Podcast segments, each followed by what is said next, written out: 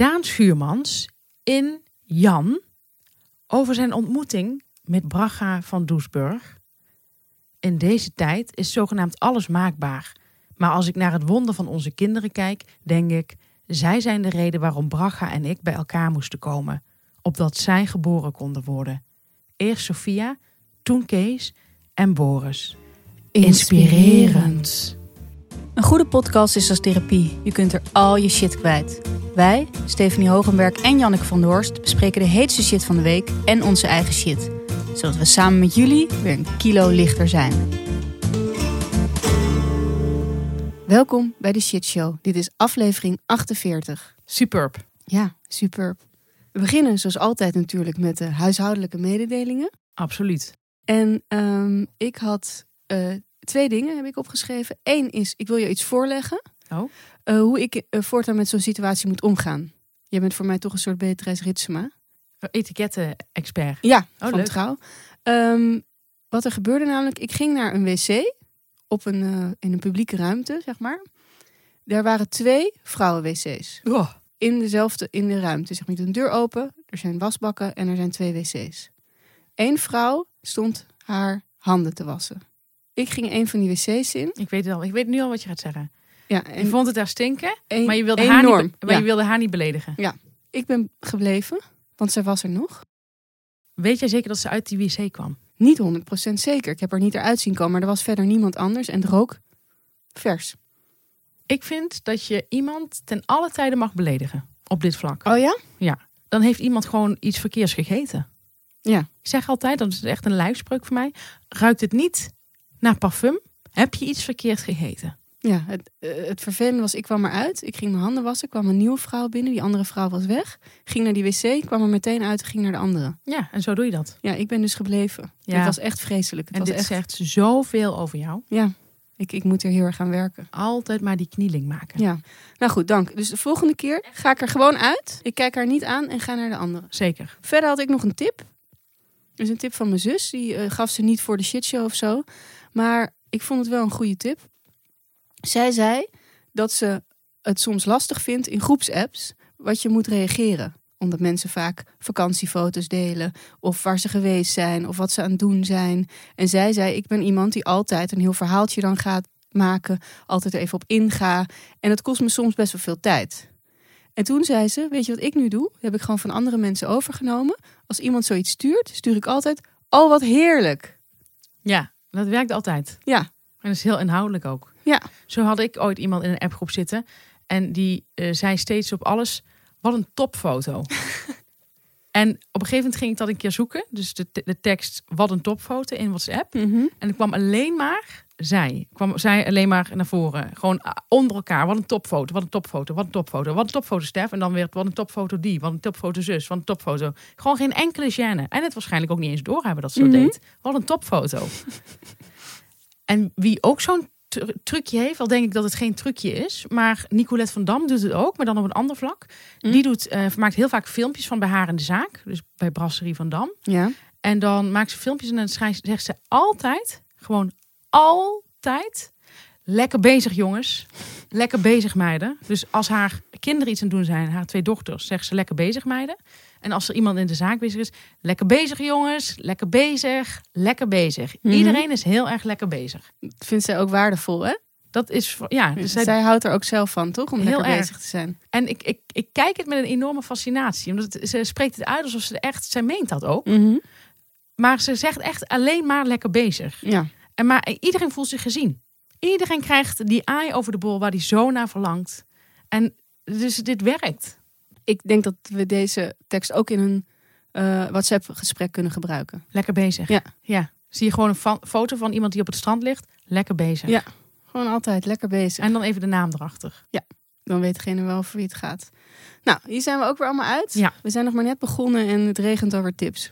Ja, man, we helpen zoveel mensen. Ik hoop wel dat wij, mocht er ooit weer een pandemie zijn, dat dit een urgent beroep wordt. Ga ik vanuit. Ehm, nou, vorige week hadden we het er al een beetje over. Ik mocht kiezen uit twee televisieprogramma's die je had gezien. Ja, Toen stuurde jij me een beetje naar het ene programma. Maar mijn interesse voor het andere programma is ook gewekt. En volgens mij ga jij dat vandaag bespreken in onze rubriek Stef kijkt tv. Klopt helemaal. Er is een programma en dat heet Baby in het buitenland. Hmm. Nou, klinkt dat als een leuke titel of Ja. niet? Wat denk je, waar denk je dat het over gaat? Het gaat denk ik over een baby eh, die in het buitenland woont. Dus een Nederlandse baby in het buitenland. Dat Hoe gaat is- dat er allemaal aan toe daar? Heel slim van jou. Het gaat altijd over een Nederlandse vrouw. En die krijgt dan een kind in het buitenland met dus ook een buitenlander. Oké. Met een buitenlandse man. Ja. En zo zijn we al een keer in eh, eh, Kenia geweest. In Peru geloof ik. Ik ben me er niet op vast. In de USA. En de afgelopen keer in India. En wat er nou zo leuk is aan dit programma. Ja. En dat kan ik iedereen aanraden. Heb je even genoeg van je eigen misère? Kijk dan naar Baby in het buitenland. Want wat is er aan de hand? Cultuurverschillen komen nergens zo tot uiting als in een kraamtijd. Dus in India bijvoorbeeld is het gebruikelijk dat na de bevalling de hele schoonfamilie komt inwonen, wekenlang, in jouw huis. En daar ziet zo'n Nederlandse vrouw dan tegenop. Ja.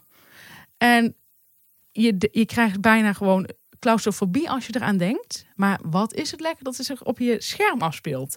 En ehm, ja, Merel Westrik pre- presenteert het programma. Het heeft altijd dezelfde opzet. Oh, ik had haar helemaal niet hier aan gelinkt. Ja, toch wel. En het, het ligt haar ook heel erg. Jennifer Hofman deed het eerst. Mhm.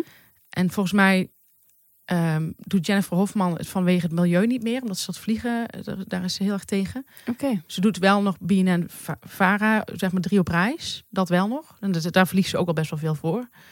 En ook nog voor een ander programma, een modeprogramma dat ze maakt. Waarbij ze fabrieken in, in eh, India laat zien en dat soort dingen. Maar dit vond ze dan denk ik te veel of zo Ja, vliegen. zo'n de taxen twintig keer per jaar niet meer of zo. Dus ik denk het. Dat hoor je vaker, ja. Het is altijd een vaste opzet. Dat, dat vind ik heel fijn. Dat je Mhm. gewoon je weet wat- je krijgt. En wat je krijgt is goed. Merel gaat altijd eerst even skypen met de moeder in kwestie. Even een voorgesprek doen. Daar zijn we dan bij. En dan zegt Merel van, eh, mag ik je buik zien? Ik ben, Oh. ik ben zo benieuwd. En dan zegt hij, eh, in het laatste, laatste aflevering was het in India. En dan zegt Sarah, die, zat, die heeft een bakkersopleiding in India gedaan. En die is daar gebleven, heeft daar dan man ontmoet. Die ook een bakkersopleiding deed. En dan zegt Sarah, nou hij is best wel groot. En dan laat ze hem zien. En nou, Merels mond die valt wagenwijd open. En dan zegt ze, ja inderdaad, daar ga je meid. Daar ga je. Hoe voel je je? Nou, dit is dan het gesprek. Eh, vaak wordt er dan ook gevraagd van, mis je je zussen? Mis je je moeder? Nou, dat komt eigenlijk altijd een verrassend antwoord uit. Dat is altijd ja. Ja, Mhm. Eigenlijk missen ze dat tien jaar lang bijvoorbeeld niet echt heel erg. Althans, in gezond missen. Maar je merkt dat als die vrouwen dan zwanger zijn, ze heel erg zo'n moeder gaan missen. Of een zus. Ja. Dat wordt dan versterkt. Dus dat is ons psychologisch heel eh, interessant. En dan gaat Merel op een gegeven moment naar het buitenland toe ook echt. Dus dan zie je er op de markt in Kenia afdingen voor rompertjes met die moeder. Terwijl ze samen zijn kletsen van hoe gaat dat nu hier en zo. Nou, er komt ook best wel wat gedoe bij kijken. Want in Kenia ben je een eh Mzungu, een, een witte vrouw. En ze denken allemaal dat Mzungus best wel veel geld hebben. Dus ook al is zij, woont zij daar, heeft ze nog altijd dat gedoe met afdingen. Oh ja. Je moet afdingen, want anders zeg maar, je kunt niet. Het zou voor haar nog steeds weinig geld zijn, maar je kunt je, kunt je niet zo laten. eh, ja, je moet grenzen stellen. Ja. Nou, in Kenia is bijvoorbeeld ook, je hebt dan allerlei gebruiken waar die vrouwen tegenaan lopen. Dus bijvoorbeeld in Kenia vinden ze het, eh, eh, ja, is het van belang dat je de mooie krulletjes van een baby, dus die hebben dan van die mooie zwa- zwarte krulletjes, en die willen ze dan afscheren na de geboorte, want dat brengt geluk. Nou, daar heeft zo'n Nederlandse vrouw weinig boodschap aan. Maar dan moet je gaan tegenvechten met je schoonfamilie. Mhm. Weet je wel, je wil ze niet tegen je in het harnas jagen, maar je wil ook je grenzen bewaken. Dus eh, zeg maar, die kraamtijd is al vrij ingewikkeld hè, voor eigenlijk alle vrouwen. Ja. Ehm, het is niet altijd een roze wolk. Maar dit, hier komen nog obstakels bij. Dus dat vind ik heel goed aan dit programma. Vind ik best wel een goede vondst. Hm. Het is ook heel goed te verteren. Dus het is niet, zeg maar, het is niet. Je moet niet heel hard nadenken over dit programma. Het, is allemaal best wel gewoon heel hapklaar gemaakt. En de, la, de leukste aflevering vond ik die in de USA. Was een vrouw die was drie koppen groter dan een man. Dus een Nederlandse vrouw. Die Mhm. kwam uit Limburg. En die eh, was, best wel, was best wel een leuk type. En die eh, ging dus bevallen. En die kreeg op een gegeven moment... eh, ja, die kreeg een, echt een, een super kale roze baby. En die man die wilde... eh, die heeft, naast zijn bed heeft hij een kluis met daarin allerlei wapens. Want hij heeft in Afghanistan eh, gediend. Daar is zijn beste vriend op een mijn gestapt. Dat was even een zijweg. Mhm. En er werd ook een riedeltje onder gezet. Dat vind ik ook goed eraan. Dat je merkt dat er wat diepgaander verhaal Ja. komt. En er werd een riedeltje omgezet. Die man was overleden. Joshua en de baby heet. Wat denk jij? Joshua. Ja, goed zo. Joshua. En dan wil die man, die laat aan Merel Westrik die wapens zien. Nou, dat vindt Merel best wel eng. En die baby ligt op bed. Maar hij zegt, ik kreeg niet op de baby, ik kreeg op de muur daar. Dus hij laat zo een laserstraal op die muur zien. Nou, Merel vindt het allemaal, vraagt dan aan, aan, die, aan, de, aan de Nederlandse vrouw van... wat vind je daar nou van? Hmm. Weet je, wat, wat doet dat met jou? Nou, dat vindt zij niet fijn. Dat was al vanaf het begin van het daten zo. Maar nu er een baby is, vindt ze het eigenlijk nog iets enger. Nou, allemaal, ja, dat je denkt, ja, je kunt er heel goed Waarom in komen. pakte hij die uit de kluis dan? Hij wilde Merel even showen hoe dat daar gaat. Het hoogtepunt van die aflevering was dat zij was bevallen. En zij miste ook heel erg de moeder. Dus ze ging haar eh, moeder bellen. En Merel, die zit zelf nog... Ja, die heeft een- volgens mij nu een, een ba- baby van een jaar.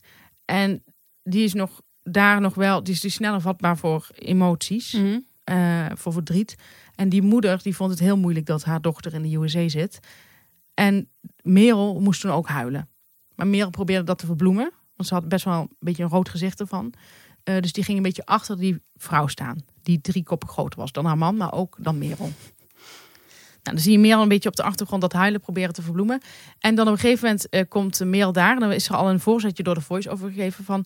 ehm Wendela, ik weet niet meer of ze zo heet, maar Wendela die is vandaag, vandaag niet ongesteld geworden.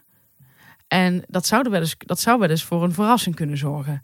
En ik denk, het zal toch niet? Het was drie maanden na de bevalling. en we gaan naar Wendela toe. Merel stapt die deur in.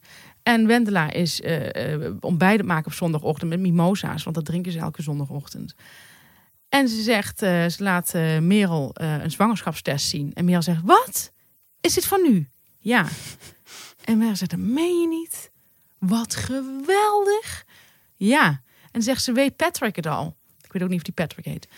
En ze zegt, nee, moet ik Patrick nog vertellen? Nou, en dan zien we Patrick naar beneden komen. En dan zegt ze van, eh, I have to tell you something. En Patrick, die zegt, no, are you kidding me? This is amazing. En Merel, die begint te huilen. Die vindt dit zo mooi en die is, die is hierbij. Die is gewoon Mhm. ooggetuige van Ja. dit vrolijke nieuws. En dan krijgen ze dus, ja, ze krijgen binnen drie maanden hebben ze gewoon weer een baby. Heel bijzonder, ja.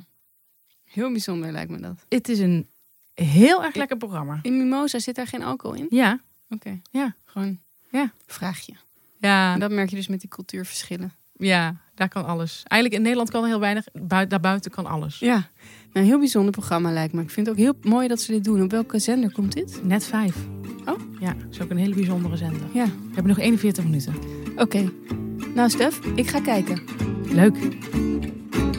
Nou, Stef, van eh, afgeschoren krulletjes, een zwangerschap na drie maanden weer. Wat was jouw shit? Mijn shit gaat over een vriend van mij. Ehm, volgens mij luistert hij niet meer naar de shitshow. Heeft hij wel lange tijd gedaan. Ik neem het hem niet heel kwalijk, omdat hij wel... Ik vind hem een van de vrienden die mij het meest support. dus Oké, het in is, hem, zijn geval. het is hem vergeven. In zijn geval is het hem vergeven. Ehm, ik geloof wel dat zijn vrienden naar de shitshow luisteren. En het gaat ook een beetje over zijn vrienden. Dus het is een beetje een precair onderwerp. Het zit zo. Ik was gevraagd door die vriend van mij. Ik noem hem eventjes S. Oh ja. S vroeg aan mij: Zou jij zin hebben om een keer mee te gaan padellen? Mag ik je in een appgroep gooien? Ik zei ja, is goed. Ik had nog nooit gepadeld. Het is een soort tennis voor de mensen die onder een steen leven. Het is een soort tennis. Maar dan sneller en je moet sneller reageren. En het is veel korter. Dus geen lange ballen, maar het is allemaal kort. En je zit in een glazen kooi. En dat glas mag ook meedoen. Dus hij mag Mhm. tegen het glas stuiteren. Niet meteen, maar wel met één keer stuiter tussen. Ja, Nou. ik, noem het altijd voor de mensen om het goed te visualiseren. Een soort combinatie tussen tennis en squash.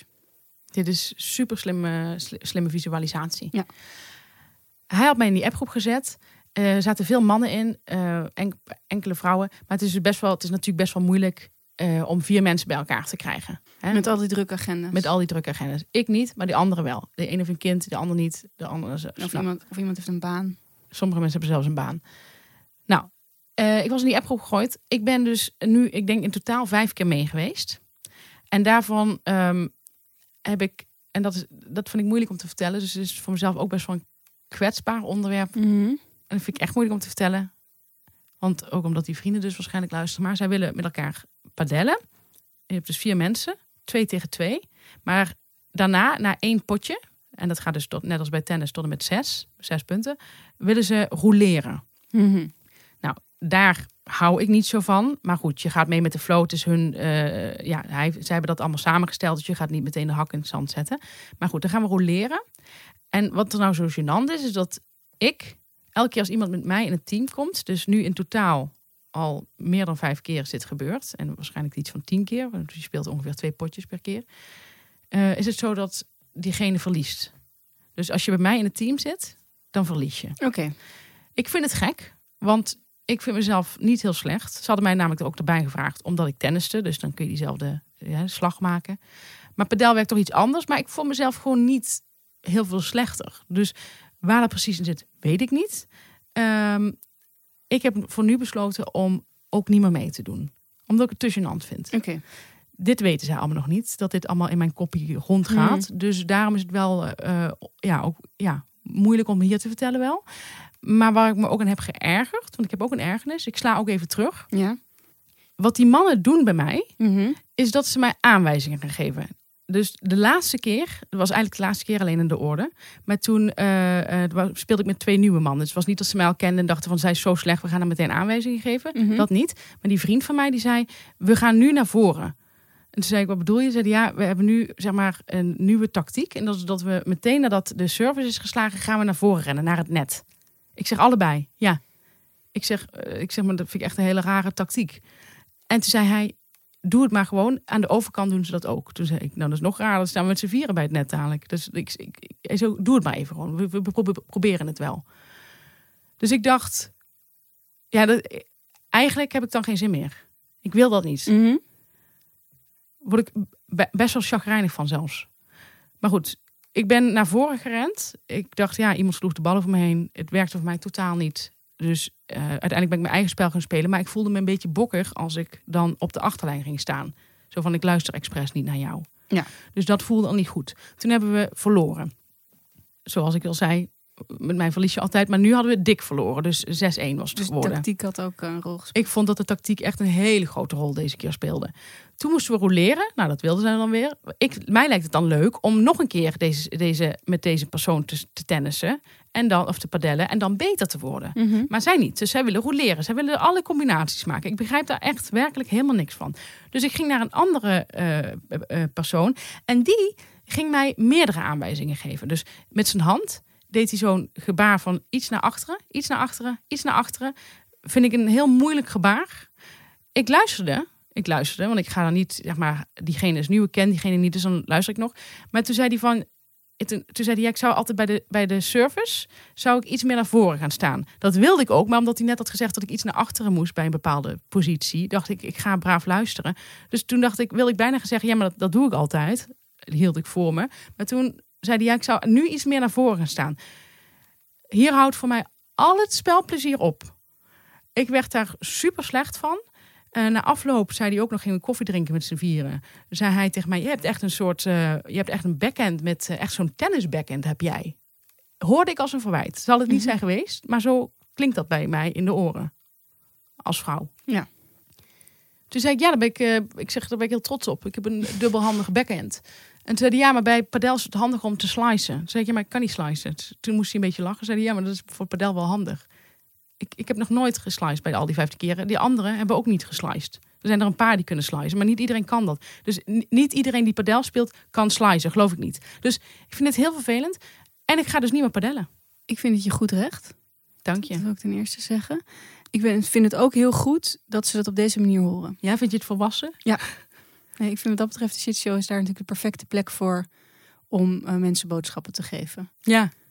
Alles wat je niet in het echte leven in iemands gezicht durft te zeggen. Ja, het kan allemaal hier. Maar ik hoef het ook niet te zeggen in principe. Want zeg maar, in die, die appgroep is er nog. Ja. Er wordt heel veel in gezegd. Wie kan dan, wie kan zus. Dus ik hoef daar niet heel erg stellig in te zeggen, ik kom nooit meer. Nee, je kan ook gewoon niks meer zeggen. Het is, inmiddels zijn ze al vier weken tegen elkaar aan het praten zonder mij. Ik heb ook niet het idee dat ik word gemist. Ehm, die vriend heeft niet apart tegen mij gezegd van wat ben je stil in die appgroep. Voel me dus ook helemaal niet. Hè? Het maakt verder niet uit. Maar ik bedoel, hij had ook één op één even kunnen zeggen van wat ben je Ja. stil. Maar dus ik ben me langzaam zeg maar probeer ik me hieruit terug te trekken. Oké, heel verstandig. Ik vind padel ook helemaal geen leuk spel. Wil ik ook even gezegd hebben. Ik vind het echt een, een, een belachelijke hype. Oh, leuk. Ik ben, binnen, ik ben ook in een padelgroep eh, beland. Ik wil het wel nog spelen met vrouwen. Oké. Daar sta ik wel nog voor open. Wat was jouw shit? Ik jat deze keer shit van iemand anders. Hoe werkt dat? Ik was bij iemand op bezoek die shit had. En ik vond die shit goed om te delen met de mensen. Neem ons mee aan de hand. Ik ging met mijn zus op bezoek bij mijn tante van 98. Ja. Wij gingen daar naartoe en wij waren nog nooit in dit bejaardenhuis geweest. En we gingen daar de gang in en op haar deur was een formulier dat er een bacterie was. Gadverdamme. Ja, op haar deur. En op de andere deuren stond het niet. Wij dachten, wij gaan hier niet naar binnen. Nee. Weten wij veel wat we hier allemaal kunnen oplopen. Wat is dit voor een verhaal, joh? Dus toen zijn wij op zoek gegaan in dat bejaardenhuis naar personeel. En dan merk je dus dat er zo'n gebrek aan personeel in de zorg is. Uren door die gang. We hebben echt heel lang moeten zoeken om iemand te vinden. En die wist het ook niet. Die zei, ja, ik ben eh, hier eh, als flexmedewerker. Of nee, hoe heet het nou? Als invaller, hoe noem je zoiets? freelancer. Ik ben hier als freelancer. Ik heb geen idee wat dat betekent. Zeg maar, wat nou als u zelf eh, die deur in moet? Ja, ik heb geen idee. Ik zou het even aan iemand vragen. Dus we hadden e- heel even wel iemand gevonden. En toen doorverwezen naar iemand anders. En toen zijn we ergens anders naartoe gegaan. Die wist het ook niet. Dus uiteindelijk heeft iemand iemand voor ons gebeld. En die zei totaal onschuldig. Dit is zo'n absurd verhaal. En vooral omdat ik een wit vel met een groen, met zo'n vieze groene kwap erop zie. Met van die haartjes eruit. Weet je, zoals een bacterie wordt aangeduid met een emotie. Ja, nee, dus maar goed. Dus daar begon het. Ja, oh, het is nog niet afgelopen. Nee, nee, nee, het is nog niet afgelopen. Eh, toen gingen we naar onze tante toe. Eh, die heeft lekker op de praatstoel gezeten. Is, is ook haar goed recht, hè? Toen zei zij na anderhalf uur non-stop praten over een neef van ons die was langsgekomen. Ik vind het zo leuk. Hij was hier. En ik hou zo van mensen die een verhaal te vertellen hebben, die iets te vertellen hebben. Maar nu voelt het ook een beetje een soort verwijt dat wij geen verhaal hadden. Want dat hadden we dus ook niet. Maar ik vond het ook een goede uitspraak. Want dat moest ik weer aan jou denken. Want dat zeg jij ook altijd over mensen. Dat ik me daar zo, zo, dat, dat ik me daar zo aan stoor. Ja, als mensen geen verhaal hebben. Eh, Als ik, eh, ja, En zij heeft ook heel veel dingen waar ze gaat stoort. Ze zou zo in de shitshow kunnen. Wat was er nog meer waar ze zich zo aan stoorde? Mijn, mijn, mijn tante heeft een rolstoel, een elektrische rolstoel, die opgeladen moet worden. Dus er zit een batterij in en die moet opgeladen worden. ja. En doordat ze steeds ander personeel heeft, Weet ze niet wanneer die batterij. die grijpen allemaal niet hoe ze die batterij uit die rolstoel moeten halen en in de oplader moeten zetten. Het is wel een groot ding. Maar waarom zit er een, oh, het is een elektrische rijstoel? Ja. Elektrische rolstoel. Ja, die wordt dus opgeladen. En dan eh, kun je er gewoon even een tijdje mee vooruit. Maar zij heeft dus heel vaak dat ze zich dus niet kan bewegen. Want ze wil alles zelf doen. Want niemand kan natuurlijk. Zij is wel zo'n type die dus overal wel een beetje commentaar ook op heeft. Wat nogmaals, ze zou zo in de shitshow kunnen. Want Lekker. ze wil ook niet meer dat mensen voor haar afwassen. Want ze vindt dat ze vies eh, afwassen. Dit zou zo'n vriendin van mij kunnen zijn. Ja, jij, eigenlijk moeten wij een keer samen naar Tante Anne. Nou, leuk. Het is zo'n naar idee dat ik dacht, dan zit je daar en dan heb je steeds iemand anders. En zij zegt ook, ik weet precies als hier mensen stage lopen, bij wie zij stage lopen. Want Nou ze ja. nemen dat natuurlijk allemaal over. Ja. En, eh, maar dus dat niemand die batterij steeds, en ze vergeten dat steeds. En dat vind ik toch iets heel naars hebben, want zij wil ondanks dat ze 98 is nog een bepaalde zelfstandigheid behouden. Ja, Wat ik ook begrijp. tuurlijk. En ehm, dat dat personeelstekort in van die hele kleine dingen zit. Ja. Ik denk altijd aan dingen als nou ja, dat je uren moet wachten tot de wc. Zij heeft zichzelf getraind, want zij kan helemaal niet meer lopen. Om zelf naar de wc te gaan, omdat ze geen zin meer had om te wachten. Ah, Dus zij traint zichzelf om s'nachts uit bed te gaan. wat Zelf. dat betreft is ook wel weer heel goed. Ja, dat zei ik ook. Het stimuleert natuurlijk wel je zelfstandigheid. Ja. Maar toen moest ik ook weer denken aan Arie Boomsma. Want die heeft dan weer ook een boek geschreven over hoe je lang fit blijft. En die maakt altijd filmpjes van zijn ouders. En zet hij ook op Instagram van die bejaarden die dan aan het trainen zijn. Echt waar? dat, maar dat, dat ik daar ook heel erg tegen opzie. Dat omdat we straks natuurlijk nog minder hulp gaan krijgen. Dat wij de hele tijd met die gewichten in de weer moeten om nog in ieder geval naar de wc te kunnen zelf. Ik ga denk ik euthanasie in mijn contract laten zetten vanaf 70. Welk contract? Het testament. Oh, oké. Je, test- Ik weet niet, waar moet je dat inzetten? je kunt mij bevoegd maken. Ik ga jou bevoegen. Oké. Ik heb die rol ook van mijn vader. Dan weet ik wel al lang hoe dat allemaal moet. Tegen Mijn tijd. wat afschuwelijk dit zeg. Ja. Dus dat was even niet mijn shit. Shit van, eh, van en het is nog klein hè. Ja. Want er is natuurlijk nog veel meer shit in de zorg. Maar ik dacht ook al, dit kleine eh, vond ik al schijnend. zeker. Nee, lijkt me afschuwelijk. Alleen van Rooij ageert daar ook zo tegen. Ja? Ja. Die heeft haar moeder toen aan huis genomen, omdat het echt, dat ze er ook zo ontevreden over was. Nou goed, Iets om ons hart voor te maken. nou ja, ik, ik, voor al onze kijkertjes van boven de 90, wij zijn er ook voor jullie. Ja. Weet je hoe een podcast werkt? Dan moet je anders even leren aan. Ga ik doen.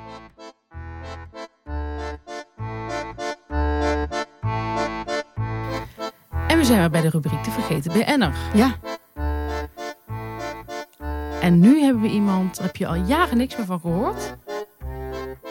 En daarom hebben we besloten om maar weer eens eventjes op te tillen. ja. Wie is het, Jan?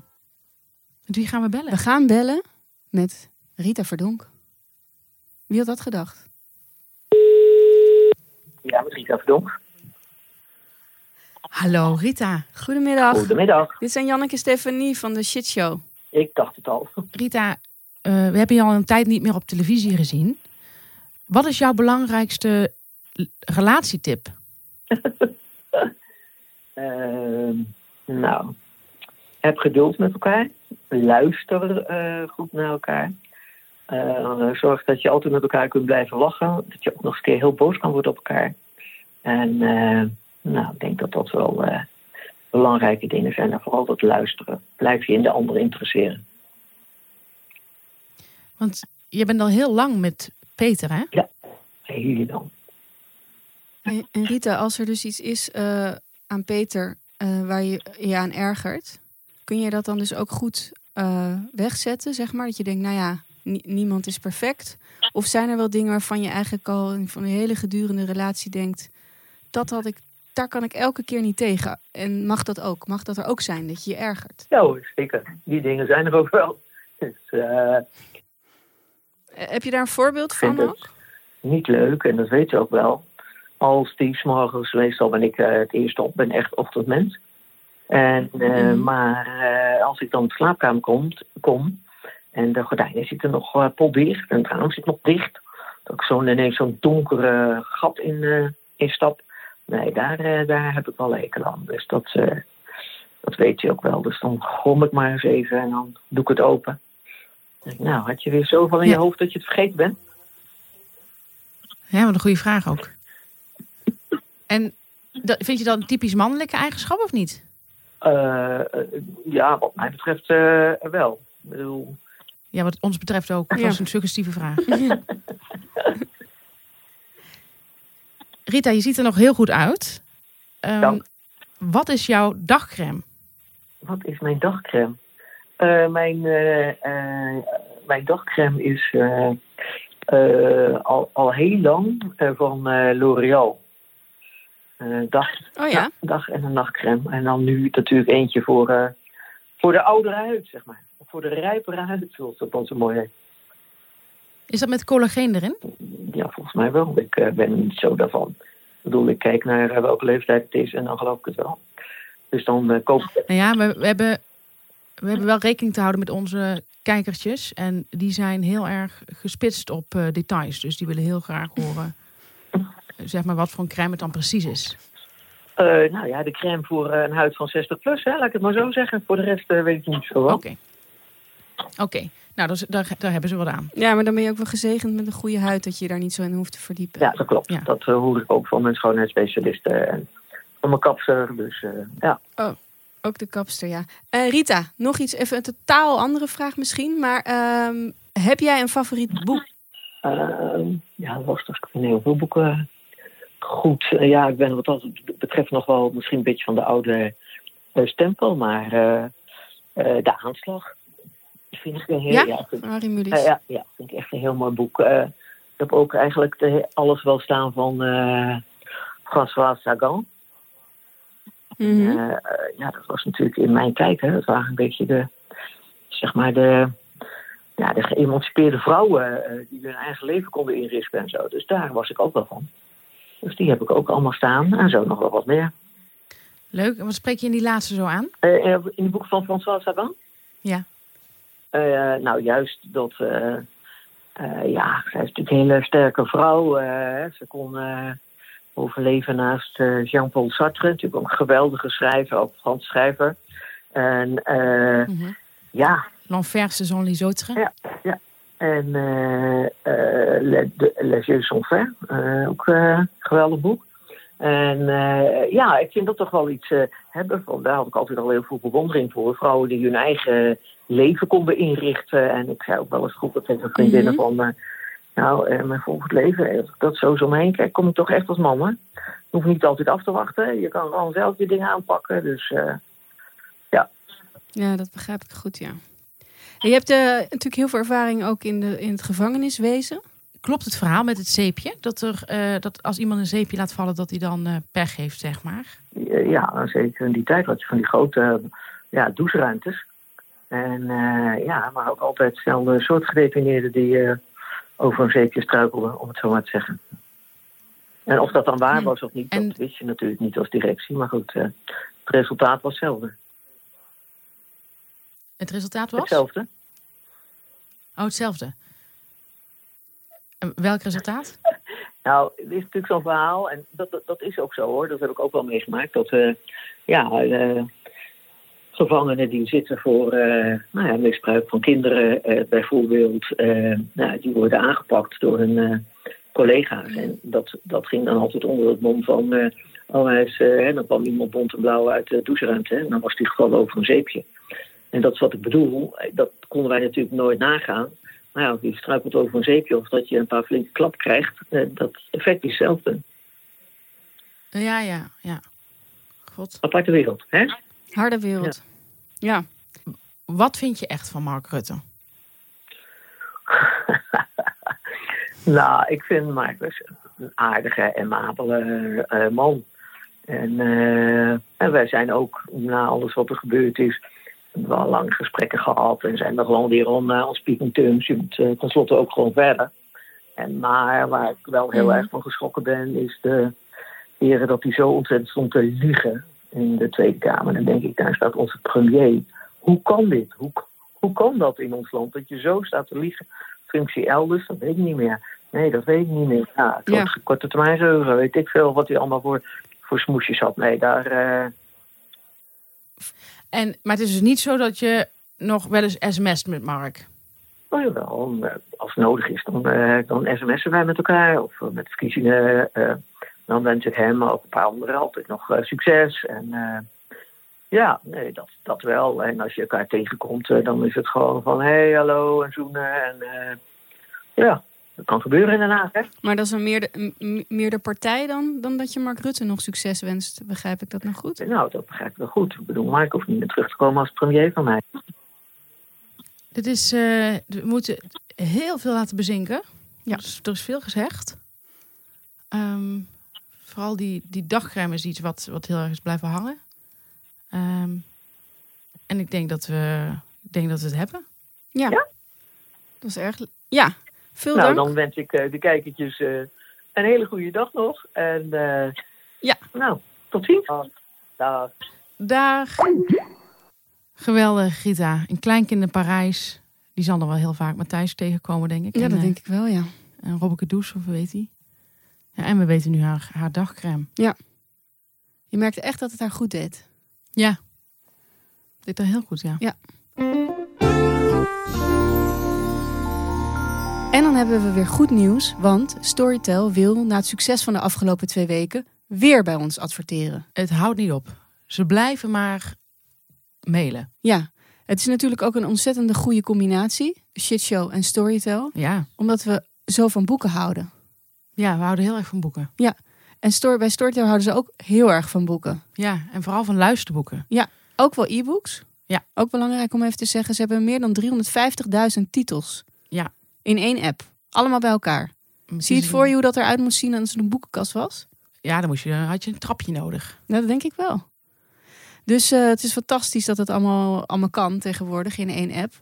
En wat ook wel misschien wel leuk is om te weten, is eh, dat je ook een soort kids log hebt. Als je dus niet wil dat eh, je kinderen bepaalde titels zien, dan heb je gewoon een soort afgesloten ruimte waar de kids gewoon lekker hun gang kunnen gaan. Ja, dus je kinderen hebben daar een eigen boekenplank als het ware. Ja, en Helene van Rooij heeft ooit, ooit het sek- seksdagboek geschreven. Ja, En dat wilde iedereen lezen. Maar niemand wilde het natuurlijk met de titel en al op tafel eh, leggen. En het, is, het schijnt ook het meest verkochte e-book te zijn geweest destijds. Oh ja? omdat je dat dus een beetje verhult op je telefoon Ja, of eh, e-reader kan het was, lezen. het was nummer één in de e-book bestsellerlijsten. En ik heb het ook gelezen. Eh, open en bloot? Nee, ik heb ook het op e-book gelezen. Mhm. Iemand had het me toegestuurd. Als e-book. als e-book, wil ik er even bij zeggen. Ik had het gratis gekregen. Ik dacht, oh, dan ga ik even lezen. Ja, ik wil mezelf ook indekken. En eh, ja, dat was wel, daar kreeg je wel rode oortjes van. Oké. Dus dat staat er ook op bijvoorbeeld. Oh, interessant. Ja, dat wist ik niet eens. Dus ook voor dat soort boeken die je normaal onder de toonbank zou kopen, zeg maar, zijn er gewoon op Storytel te lezen of te beluisteren. Of allebei. Dat En komt heb ook nog voor. Heb je nog een fragment deze week? Ik heb een fragment, ehm, want eh, dit is eigenlijk ook een soort boekenrubriek. Eigenlijk zou je kunnen zeggen dat Storytel ons ook een beetje sponsort in, onze, in een boekenrubriek. Een boek, wij mogen zelf een boek uitkiezen uit hun enorme aanbod van dus meer dan 350.000 titels. En dan mogen wij uitkiezen een boek dat we echt goed vinden. En dat we dus even willen laten horen aan onze kijkertjes. En ik heb deze week gekozen voor The Great Gatsby. Of De Grote Gatsby, want ik doe het even in het Nederlands. eh, van Fitzgerald. Er is ook een verfilming van, hè? Dat klopt, er zijn meerdere verfilmingen van. Ehm welk vond jij het best? Ik heb er maar eentje gezien. Oh, nou, ik toch wel die eh, met Robert Redford. Oh, die heb, ik, heb er ik heb alleen Leonardo DiCaprio gezien. Heb jij wel eens wat van Fitzgerald gelezen? Nee, nee. Het is echt wel een, echt een aanrader. Het zijn echt boeken die me ook wel een beetje terug eh, naar de middelbare school. Omdat ik toen ehm The Great Gatsby heb gelezen in die tijd. Eh, en ik vond het echt een geweldig boek.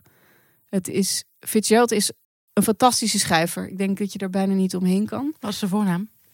F. Scott. Oké. Ik, ik mag toch wel Fitzgerald zeggen. Ja, maar, ik maar dat is nog, nog een Fitzgerald. Ja, zijn vrouw. Oké. En nog zo'n nog Penel- Penel- Penelope Fitzgerald heb je ook. Nou ja, die bedoel ik. Die bedoel ik, ja. Ja, en je hebt Zelda Fitzgerald. Oh ja. Ja, er zijn ontzettend veel. En Ella Fitzgerald, maar dat is een zangeres. Het is een beetje gek, maar ik ga het einde voorlezen. Wild. Ja, heel wild. Ik, want mensen doen dat bijna nooit. Mensen als mensen een fragment uit een boek lezen, lezen het begin of een stuk uit het midden. Maar ik doe dus nu het einde. Dat past ook wel heel erg bij onze show. Om altijd net even een andere koers te varen. Ehm, en ik weet nog namelijk dat toen ik het de eerste keer las, dat ik echt na het einde even een soort van moest bijkomen bij Great Gatsby. En ik ga dat stuk voorlezen zonder dat, als jullie het niet gelezen hebben, is het even lekker out of the context. Maar toch denk ik dat het misschien wel aan zou slaan. En terwijl ik daar zo zat te mijmeren over de oude onbekende wereld, moest ik aan Gatsby's verwondering denken toen hij de eerste keer het groene licht aan het einde van Daisy's aanlegstijger ontwaarde. Hij had het ver geschopt tot deze blauwe gazons en zijn droom moet hem zo dichtbij hebben geleken dat hij hem wel moest grijpen. Hij wist niet dat die droom al achter hem lag, ergens ver terug in die uitgestrekte duisterheid, de stad voorbij, waar de donkere velden van de republiek onder de nachtelijke hemel voortgolfden. Gatsby geloofde in het groene licht, de orgiastische toekomst die jaar op jaar voor onze ogen terugwijkt. Ze ontglipte ons toen, maar dat doet er niet toe. Morgen zullen we harder lopen, onze armen verder uitstrekken en op een mooie dag. En zo varen we voort, schepen tegen de stroom op, onophoudelijk teruggevoerd naar het verleden. Dat is het einde van het boek. Als je verder geen enkele context hebt, dan is het misschien wat ingewikkeld om te begrijpen waar dit over gaat. Maar geloof me, als je het boek hebt gelezen, zit een prachtig einde. En die laatste regels staan ook op het gezamenlijk graf van eh, Fitzgerald en zijn vrouw Zelda. Mooi. Ja, ik zou het leuk vinden om een keer met jou over Fitzgerald te gaan praten in de show. Oké. Maar moet ik dan The Great Gatsby lezen? En Tender's the Night. Ik zal kijken wat Ook ik een doen. geweldig mooi boek. Dank. Ja, dit boek is dus te vinden ook op Storytel. Wil je dat uitproberen? Ga dan naar het linkje dat we onder onze aflevering op Spotify hebben staan. En die link is story.tel slash shitshow. Ja. En daar hebben we ook nog boekentips staan. Ik hoorde van veel mensen dat er weer volop files zijn in Nederland. Ook dus een tip om te luisteren in de file. Heb je de shitshow af? Luister een boek van Storytel. Wat was jouw ergernis? Mijn ergernis is eentje waar ik me al heel erg lang aan stoor. En ook elke keer een ergernis die ook elke keer weer oplaait als iemand een eh, verhaal vertelt. Ik erger me kapot aan psychologen. Oh. Nou, denk je wel een, een controversieel standpunt. Ja. Ik heb zelf ooit een hele fijne therapeut gehad. Die is helaas met pensioen-. Ik heb zelf ooit heel lang gezocht naar een goede therapeut. Een Mhm. een paar jaar geleden had ik, eh, had- wilde, ik de- heel, wilde ik heel graag, liep ik tegen wat dingen aan, wilde ik heel graag bespreken. Heb ik heel lang gezocht naar een goede therapeut. Die vond ik bijna niet. Ik heb op een gegeven moment wel een tijd lang bij eentje gezeten. Maar die, ehm, ja, die liet mij gewoon heel veel praten. En ik merkte ook dat zij gewoon heel erg genoot van mijn verhalen. Mhm. En dat is, in het begin denk je nog oké. en dan had, had ze daar wel, zei ze daar wel iets over. Alleen dat waren vaak dingen die ik zelf ook wel kon bedenken. Dus ik had er niet zoveel aan. Ik kreeg, Mhm. graag, ik kreeg geen houvast. Dat was wat ik zocht. Ik Ja. wilde van hoe kan ik dingen waar ik tegenaan loop anders aanpakken. Nou, dat, die, die, eh, die aanpak had zij niet. Dus zij gaf het wel van ja, dat is iemand die eh, hè, zo en zo handelt. Ja, oké. Maar wat moet ik nu doen? Mhm. Weet je wel? Dat had zij niet. Dus na een jaar begon me dat een beetje te storen. En toen dacht ik, ik, ik, ik, ik ga gewoon, ik merk gewoon dat ze iets te veel zit te smullen. Eh, soms zei ze ook, oh, wat een verhaal. en dacht ik, ja, weet je, ja, hartstikke leuk. Maar daar heb ik vriendinnen voor. Dus ik heb haar toen opgezegd. En ik weet nog, en dat is ook weer echt een teken van haar onprofessionele houding. Toen had ik nog gezegd van, eh, dat ik een stuk, mijn eerste stuk ging toen, werd toen gepubliceerd. Dus ik heb het echt over heel lang geleden. Mhm. En toen stuurde zij een paar weken daarna een mail dat ze het stuk had gelezen. En dat ging over een singlereis. Eh het was een Volkskrant magazine. En toen zei ze, eh, ik, ik, eh, mijn zoon is ook vrijgezel. Ik ga hem hier heen sturen. En dus zij, ik zag het een beetje best wel rare, onnodige informatie. Mhm. En ik, ik zei, ik liet het toen in jou zien, weet ik nog. En eh, ik zei van, het is bijna alsof ze me aan die zoon wil koppelen. En toen zei jij van, nou, dan ben je in ieder geval niet gek volgens haar. Vond ik toen nog wel grappig. Maar Hm. wat er dus gebeurt, ik hoor dus eh, heel veel. En uiteindelijk heb ik dus een, heb ik een, maar daar moest ik best wel lang voor zoeken. Heb ik een goede gevonden. Eerst had ik er nog iemand gebeld, dat ik ook via via, want ik, dat is mijn eerste advies. Zorg dat je iemand hebt via via. Eh, dat je niet zomaar het internet gaat afstruinen, want je weet echt niet waar je terecht komt. En er zijn zoveel slechte psychologen. En toen weet ik dat ik iemand aan de lijn kreeg. En die zei toen van, eh, zei ik ja, ik zeg ik, ik wil graag, eh, ik ben nu bij iemand, maar ik wil graag iemand bij wie ik niet alleen zit te kletsen, maar die me ook kan zeggen wat ik precies kan doen. En toen zei ik zoiets van, van ik zeg, want dit is een beetje te veel geklets van mij. Dat was eigenlijk meer een wa- waarschuwing voor deze. Ja. Want ik dacht van, als jij hier, hier en herkent, wil ik niet bij jou. En zei ze, oh, wie was dat dan? Toen dacht ik, jij bent ook meteen af. Ja. Vind ik een super achterlijke vraag. Ja.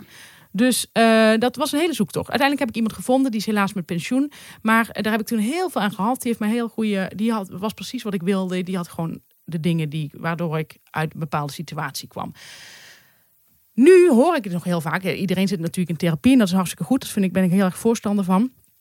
Maar nu hoor ik heel vaak verhalen van vrienden, kennissen die dan in therapie zitten bij hele domme psychologen. En er zijn er gewoon echt heel veel van. Oh ja. Ja, er zijn heel weinig goede. En ehm, ik hoor dan al bijvoorbeeld dan heeft een vriendin die wil dan heel graag eh, in therapie, ook voor een probleem dat dan zich aandient en waar ze al lang tegenaan loopt, maar nu dan echt. En dan moet ze eerst eh, bijvoorbeeld bij iemand een afspraak maken en die gaat dan eerst een intake doen. Dat is, dat is mijn advies. Ja. Meteen weggaan. Intakes hoeven niet. Je kunt meteen gewoon starten met iemand.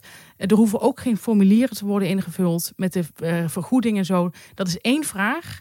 En dat regel je maar in- lekker in je eigen tijd. En een psycholoog die dan eh, eh, jou een formulier daar wil laten invullen, dat is echt gewoon, dat, dat is gewoon een teken dat iemand niet heel erg goed is. Oké. Ik ben er ook van overtuigd. Iedereen denkt altijd dat eh, psychologen met een wachtlijst heel goed zijn. Ik ben sowieso meer voor een psychotherapeut. Eh, die doet een gedragsverandering. Maar er zijn ook mensen die denken dat een wachtlijst een heel goed teken is. Vind ik ook niet zo'n heel goed teken. Een wachtlijst eh, zegt helemaal niks. Mensen die, ik, ik heb dus die goede therapeut gehad, die had helemaal geen wachtlijst. En dat kwam omdat zij ten eerste ook mensen na een tijd ontslaat. En zegt, dat deed ze bij mij ook. Op een gegeven moment zei ze na, na, na anderhalf jaar. eh, ten eerste liet ze me niet elke week komen. Dat vond ik ook al heel goed. Gewoon één keer in de drie weken en op een gegeven moment één keer in de drie maanden. En eh, toen zei ze op een gegeven moment, zo zei ze, we hebben het volgens mij wel behandeld. Je mag altijd, eh, je bent altijd welkom, maar we hoeven hier niet nog hè, langer Mhm. door te gaan. En dat voelde ik zelf ook heel erg. Dus dat vond ik fijn. Dus eh, die andere, die liet mij maar gewoon komen elke week. En, en, en, en zei maar smullen van mijn verhaal. En als ik dat niet zelf had gestopt, was ik daar nu nog geweest. Ja. Zeg maar. Het was niet iemand die, die zelf een rem zet. Dus die wachtlijst is niet per se een goed teken. Je moet op een gegeven moment moet, moet je van mensen afscheid nemen. En ik vind ook niet dat iemand eh, elke week in therapie hoeft te gaan. tenzij er zich een acuut probleem aandient. Maar meestal is het gewoon iets wat een beetje sluimert en waar je gewoon eh, een beetje van de zijkant begeleiding bij wil. Wat ik wil zeggen daarover is dus dat soms mensen denken van oh, maar ze heeft geen wachtlijst en dat het dan niet zo goed zou zijn. Nou, ik zou willen zeggen, dan is het juist goed. En ehm, ik stoor me hier geweldig aan, omdat ik echt steeds verhalen blijf horen van mensen die over een therapeut vertellen en waarvan ik denk, ja, het, het is gewoon niet professioneel. Het klopt niet. Ehm, ik vind, eh, wat, soms wordt er letterlijk iets, eh, iets gezegd wat de therapeut zegt. En dan denk ik, dit is gewoon bijna gevaarlijk. Als je niet zelf heel slim bent. Dus echt. En dan gaan ze uiteindelijk gaan ze ook. eh, net als ik, denken ze na een jaar van, weet je wel, die, die geeft het een beetje op. Je denkt, ja, dit, dit gaat niet werken. Ik blijf met het probleem zitten. Ik zit hier alleen maar een beetje te kletsen. En dan, eh, in die tijd zei ik nog wel eens van, ik weet een goeie. En dan uh, zei ze, ja, maar ik, ik laat het nu gewoon eventjes. En dat vind ik dan zo jammer, omdat ik denk, ja, ik had echt een goeie. En eh, ik wil niet zeggen dat ze voor iedereen geschikt was, want je moet ook wel een zekere klik hebben. Je moet je wel fijn bij iemand voelen en niet. Maar eh, ik had best wel een beetje iemand die wat, wat strenger was. En ja, ik, ik vond het heel fijn dat ik. Ik wilde gewoon die. Ik, het ging mij echt heel erg om die aanpak, om, om dingen te doorbreken. En ehm, dan vind ik het zo jammer dat zij mensen had kunnen helpen, die dus door een foute therapeut eh, zijn afgehaakt. Ja. En die dan straks, over een jaar. Dan zijn, ze zijn inderdaad waarschijnlijk even. Voor een halfjaartje zijn ze even, wel even gered. Omdat ze denken: ja, ik heb nu genoeg erover gepraat. Alleen. Ja, ik denk dan los het toch nog steeds even op, weet je wel. Dat vind ik, zo, ik vind het zo zonde. Ja. En ik heb altijd een heel erg de neiging dat ik denk van... oh, ik vind het zo erg als iemand niet... als iemand met dat probleem blijft zitten. Er was ook iemand die zei van... dat haar therapeut had gezegd dat ze geen boeken las. Want eh, ze zei, ja, dat vond ze geen leuk tijdverdrijf. Ja, of ze zei zoiets van eh, eh, lezen is een. of ja, van, ik ben met, druk met andere dingen of zoiets. Een therapeut die geen boeken leest, dan heb ik het over romans. Ja. Ja, vind ik gewoon echt totaal ongeschikt. Het klinkt misschien heel hard, maar ik, hoe kom je dan aan mensenkennis? Die heb je dus niet. Kun je mij niet vertellen? Ja, uit een boek, uit je, uit je studieboek. Maar dan heb je uit je psychologieboek. Ja, dan moet je aanvullen. Weet je wel? Dus ik vind dat ook een heel slecht teken. Het is wel een slecht teken, ja. Ja. En het was heel leuk. Ik had ooit op hart, bij, zaten, was ik bij een hartgrasbol. En toen had ik deze discussie eh, met een andere schrijver. En toen zei ik van, ja, is een therapeut die geen boeken leest. En toen zei hij, en dat is, vind je dat erg? Toen zei ik, erg? Ik zei, dat is, dat is iemand totaal ongeschikt voor zijn vak. En toen zei hij, oh, dat, dat weet ik niet. En zei ik, nou ja, en toen zei ik, Henk. Toen riep ik Henk Spaan erbij. En toen zei ik, zou jij bij een therapeut gaan die niet leest? Nooit. dus eh, toen voelde ik me heel erg gesterkt. Ja. Nou goed, het is een beetje een onsamenhangend verhaal misschien geworden. Nee. Nee, het is heel duidelijk. Oké, het, het gaat me echt aan het hart. Ja. Ehm, omdat er zo... Kijk, het is een vrij beroep. Als je die studie hebt gedaan, kun je een bordje op je muur zetten. Je kunt psycholoog worden. En er zijn zoveel mensen die niet de know-how hebben. Hoe je iemand goed op weg helpt. Hoe Ja. je iemand goed begeleidt. Dat ik dat, eh, die, die, ja, als ik die vragen hoor die een therapeut soms iemand zegt van vraag dat aan diegene, dat ik denk, maar hoe komt zo'n therapeut erbij? En ik kan nu het voorbeeld niet geven, want ik vind het niet fijn Mhm. om dit soort eh, intieme dingen te, te vertellen van een ander. Ehm, maar het, het, het irriteert me geweldig. En ook die therapeut die heel goed was, die zei ook van... dit is echt een getroubleerde doelgroep. Er zijn zoveel mensen onkundig in dit, in dit vakgebied. Mhm. En je kunt dan iemand veel verder van zijn eh, doel afhelpen dan eh, dat hij kwam, begrijp je? Dat zeg ik ook weer wel dingen. Maar nou goed, dit is voor mij een onderwerp. Het irriteert me mateloos. Er is niks tegen te doen.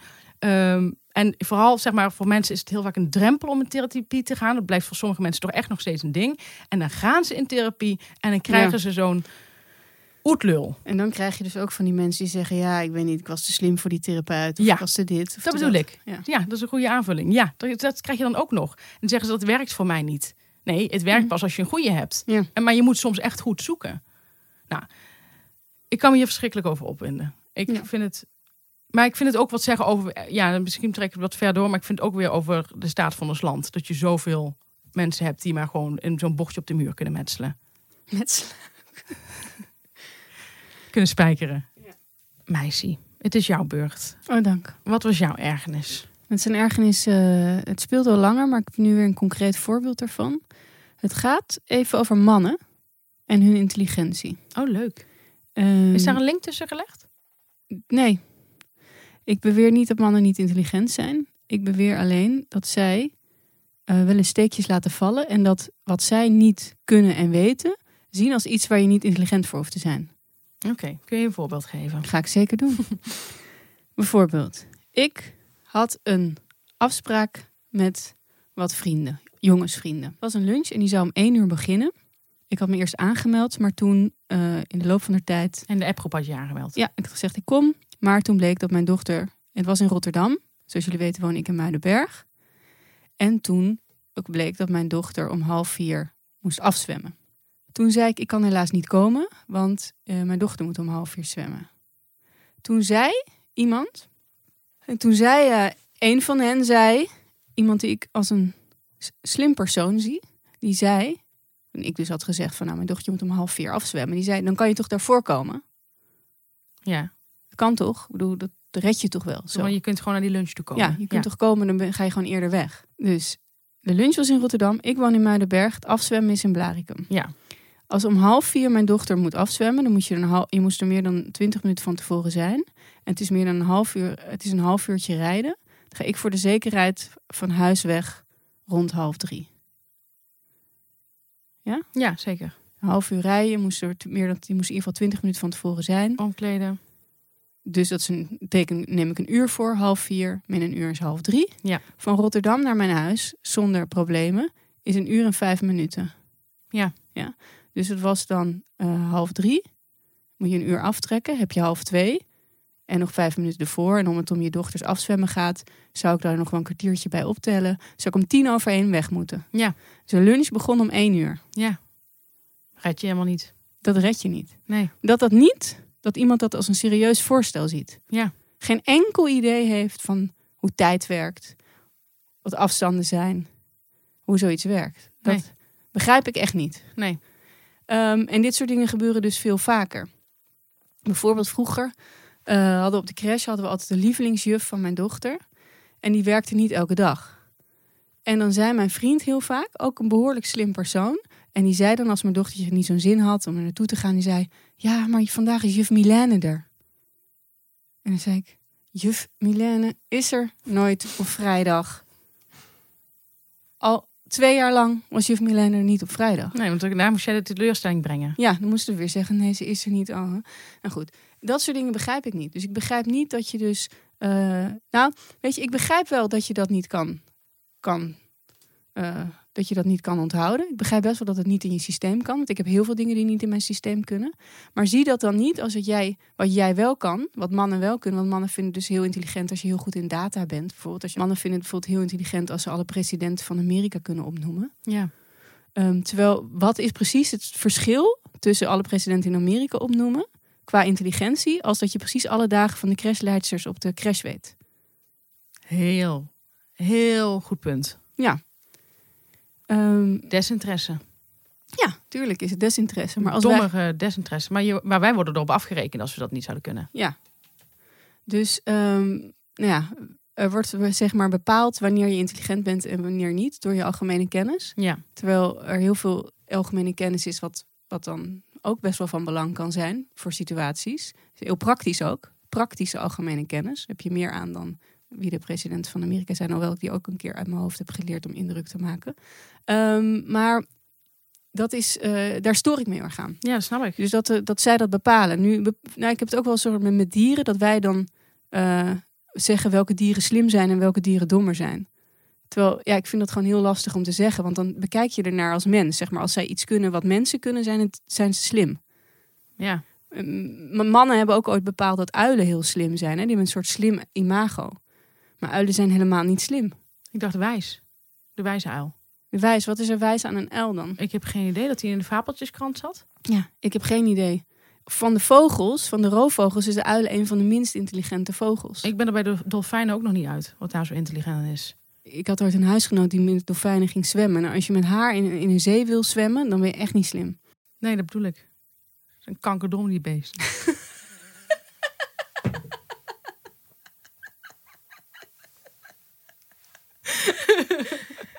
Ja. Nou, dat was even mijn ergernis. Een goed punt, Jan. Goed punt. En je hebt ook heel veel vrouwen munitie gegeven. Als Ja. ze hier eh, op worden aangesproken. Dat nee, of wel, als zij iemand willen aanspreken Ja. vooral. Ja, kappen nou. We hebben nog eh, anderhalf minuut. Je moet echt sneller praten, Jan, met jouw verhalen. We hebben nog maar anderhalf minuut. Ja, de warme boodschap, daar eindigen we altijd mee. De warme boodschap. Ik heb deze keer een podcast. Leuk. Ja. Ik ben er weer aan toe met al die files. Ik vind het zo ontzettend leuk, ben ik echt. Ik vind het ontzettend leuk dat jij nu... Je voelt toch een klein beetje... ehm, zeg maar, normaal doe ik jou altijd na. Jij geeft mij boektitels. Mhm. En dan eh, doe ik dat na. En eh, nu geef ik jou podcasttips. Ja. Dus ik voel me ook een keer ergens eh, kenner in. Oh ja. Begrijp je? Ik neem je altijd heel erg serieus. Ja, maar dat wist Ook ik heel lang met niet. etiketten en zo. Nou, dit is even een... een... Oh, klaar. Kijk wat we er nu weer uit moeten knippen. Want we gaan elke keer over dat maximaal aantal woorden heen. Ja. Ehm, maar, maar je hebt een nieuwe podcast. Ik heb een nieuwe podcast. Het, he- het is getipt door iemand van de shitshow, een luisteraar. En ik weet niet meer wie. Mm. Eh, de titel is Een soort God. Ah, dat werd me laatst ook getipt. Echt waar? Ja, door iemand uit Muidenberg. Die is geweldig. Ik had er heel lang geen zin in. Maar opeens, soms kan je dat hebben, dacht ik van ik ga toch eens beginnen in deze podcast. Dus ik ben die podcast gaan luisteren. Ik heb hem gebinged. Ik vond het fantastisch. Het gaat over een secte. Het gekke is, ik weet dat heel veel mensen secte een heel interessant thema vinden. Ik niet. Ik heb het ook met verhalen over drugs, over, over aidsziektes in films, dat soort dingen. Sectes, ik heb er niks mee. Maar dit is een secte die is, vind, vond ik heel interessant omdat hij zo dichtbij was. Het speelde zich af in Brabant. Het heeft heel dichtbij. Het heeft eh, eh, jarenlang geduurd. Ze lieten, het is door de Volkskrant gemaakt, twee vrouwen van de Volkskrant. En ze hebben die eh, mensen die in die secte hebben gezeten, hebben ze zover gekregen om erover te praten. Wat ik heel, heel moedig vind, omdat er natuurlijk een enorm stigma op zit. En die mensen vertelden hoe dat is ontstaan. En het begon met een kung fu leraar die kung fu les gaf op de sportschool. En langzaamaan wist hij allemaal mensen aan zich te binden. En daar wordt heel goed uitgelegd in die podcast hoe hij dat deed. Hoe dat in het begin ja, heel erg ontstond. Het was iemand met gezag. Dat vond ik fascinerend. En ik dacht ook, ik denk dat iedereen een zeker punt in zijn leven heeft waarop hij eh, niet goed kan aanvoelen dat het, dat het fout is en dat hij hierin zou terecht kunnen komen. Iedereen, Mhm. En dat vond ik leuk van die eh, mensen die van de Volkskrant maakten. Een vrouw zei, eh, terwijl ik deze podcast aan het maken ben, vertel ik, ik ben er helemaal vol van, dus ik vertel er ook veel over aan vrienden. En al mijn vrienden zeggen, één voor één, ik zou hier nooit intrappen. En daar erg ik me ook heel erg aan, zo'n uitspraak. Zij, liet dat, zij bracht dat gewoon als een neutraal ding. Maar ik erg me daar heel erg aan. Want eh, ten eerste is het niet zo leuk om te zeggen tegenover slachtoffers. Alsof Mhm. jij eh, hoger bent, verheven. Jij trapt daar niet in. Dat is zelfs zeggen dat je nooit in een oplichter zou trappen. Dat slaat op kak, kan ik je vertellen. Eh, niet dat ik ooit ben opgelicht. Maar Zou jou niet dat gebeuren. maar- niet gebeuren. Nee, maar ik bedoel, het kan, het kan je wel overkomen Ja, natuurlijk. Ehm, ten tweede denk ik dus wel dat, dat dit zou kunnen ontstaan. Want ik heb het idee dat mensen denken dat je een soort van cirkel instapt... waar allemaal mensen in kleermakers zitten in wit, in wit gewaad. En dat je dan denkt van nou, dit is niks voor mij. Nee, dit ontstond Ja. samen. En er zijn mensen die een bepaald charisma hebben... die, dat, die zoiets kunnen dragen. Alleen, dit ging dus heel ver. Die man ging die vrouwen ook slaan. En, ja, en dan denk je nog steeds van, he, he, maar dan ga je toch weg? Ja, uiteindelijk gingen ze ook weg. Maar dat, dat duurde heel lang. En ze hadden niet door dat het een secte was. Ja. En zo zijn er, ik denk, heel veel kleine sectes. Als je het over, je hebt allemaal overal kleine culturen. Kijk bijvoorbeeld naar de redactiecultuur van De Wereld Draait Door. Eh, als je erin zit, vind je het misschien niet... eh, hè, vind je het misschien niet heel gek. Pas als je er later op gaat terugkijken, dan denk je Ja. van dat was eigenlijk toch best wel gek hoe dat ging. Mhm. Dus, nou goed, dus ik vond, dat, ik vond het in deze podcast heel helder uitgelegd hoe, hoe dat ontstond. En aan het einde hoor je die man ook. En eh, ik vind dat de eh, vrouw van de Volkskrant, ik wil niet te veel zeggen, daar een heel slimme, iets heel slims over zegt. Over die ontmoeting met hem. Oké. Maar ik kan denk ik niet vertellen? Oké. Of Nee. wel? Nee, ja, ik weet niet. Doe maar niet. Ik, ik- niet voor mij. En anders moet ik mijn oren dicht doen. Nou, het is geen spoiler eigenlijk. Maar Oké. het is, ik vond het echt een. Ik, ik, misschien moet ik het toch zeggen. Oké. Oh, ik vond het echt een goed inzicht van haar. Ze hebben dan een gesprek met hem. Ze gaan er met een, met een lousy microfoontje naartoe. Met de gedachte, hij zal toch niet open doen. En als hij al open doet, gaat hij ons echt niet te woord staan. Dat doet hij wel. Hij zegt, kom binnen. Dan gaan ze met hem praten. Het is een oudere man inmiddels. Volgens mij al in de, zeven, in de achter in de zestig. Nou, ik dacht echt een oude man. Nee, maar hij praat wel best Ja. wel oud. Maar misschien was hij al 70. En dan gaan ze met, ehm, met hem om een tafel zitten met, zo, met die microfoon. En dan hebben ze een gesprek en ze vragen ze hem naar van alles. Want er is ook een rechtszaak over geweest en zo. En dan vragen ze hem ook naar die seks die hij met die vrouw heeft gehad en zo. En eh daar geeft hij allemaal best wel eh geprefabriceerde antwoorden op. en, dan ga, dus, en dan zegt zij, en dat vind ik super slim en echt een heel goed inzicht. Dan zegt zij bij het weggaan, of dan in de voice-over later. Ik vond het een teleurstelling, omdat ik had gehoopt om iets van zijn charisma mee te krijgen. En dat voelde ik helemaal niet. Mhm. Alleen aan het eind, en de laatste fragment horen, waarin hij zegt: En jullie gaan nu terug met z'n tweeën naar Amsterdam? Ja, nou dan hebben jullie nog een eind te gaan, of niet? En jullie kunnen het goed vinden met elkaar. Ja, ja, lachen ze dan. En zegt ze, dat vond ik wel leuk. Want toen zag ik even dat charisma, omdat ik, me, eh, dat ik het leuk vond. Ik voelde me gevleid dat hij zag dat wij een klik hadden, zei en ik. Mhm. En dat we, eh, dat, en want we hebben het ook heel leuk samen. Dus dat vond ze leuk dat hij dat zei. En ik dacht, en dat is het. Ze wordt gezien op dat moment. En daar gaat het natuurlijk over. Ja. Nou, dat, ik vond dat echt, ik vond het geweldig. Echt heel veel credits voor deze podcast. Een soort god. Ga ik ook weer luisteren. Jij mag nu ook wat zeggen. Je hebt nog 30 seconden. Disclaimer. Omdat het me helaas niet lukte om in de resterende seconden mijn warme boodschap over te brengen, hebben we besloten mijn warme boodschap te verschuiven naar volgende week. Nou, dit was het alweer. Aflevering 48. Ja, Ja.